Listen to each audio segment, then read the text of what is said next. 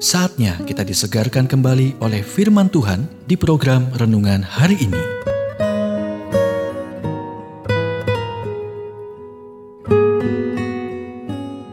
Renungan hari ini berjudul Demi Tuhan, Kendalikan Dirimu. Nats Alkitab dari Amsal 25 ayat 28. Orang yang tak dapat mengendalikan diri adalah seperti kota yang roboh temboknya. Pencobaan, orang-orang yang tidak menyenangkan dan keadaan yang membuat frustasi berpotensi mengecewakan. Dan kabar buruknya adalah semua itu tidak akan hilang dalam waktu dekat. Namun kabar baiknya adalah itu bukan masalah Anda.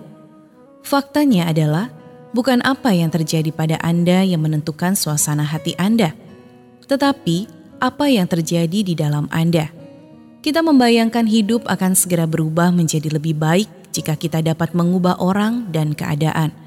Tetapi, apakah ada orang dan keadaan baru yang harus dihadapi, bukan? Salomo benar, ini bukan tentang mengendalikan dunia di luar, ini mengendalikan dunia di dalam. Amsal memberitahu kita, seseorang tanpa pengendalian diri seperti kota dengan kehancuran. Dengan kata lain, kota yang terbuka untuk diserang.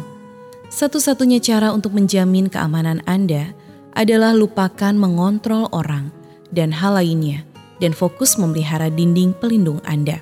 Tetapi orang-orang dan keadaan dapat membantu saya merasa tidak mampu dan rentan. Kata Anda, Alkitab memberitahu kita bahwa Allah menentang orang yang congkak, tetapi mengasihani orang yang rendah hati.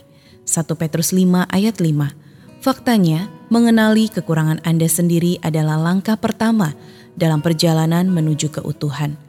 Langkah kedua adalah menerima bahwa hanya Tuhan yang dapat memberdayakan Anda dengan pengendalian diri.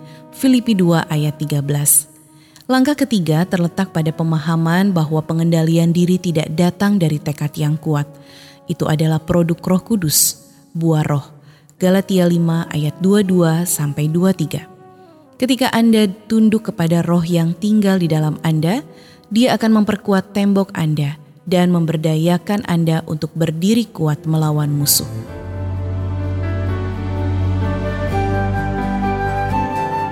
Kita telah mendengarkan renungan hari ini.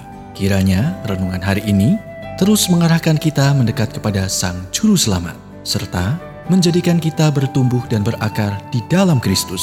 Renungan hari ini tersedia dalam bentuk buku maupun digital dan bisa Anda miliki dengan menghubungi Japri di WhatsApp 0812 8784 7210 atau email ke infoapripusat@gmail.com. Tuhan memberkati.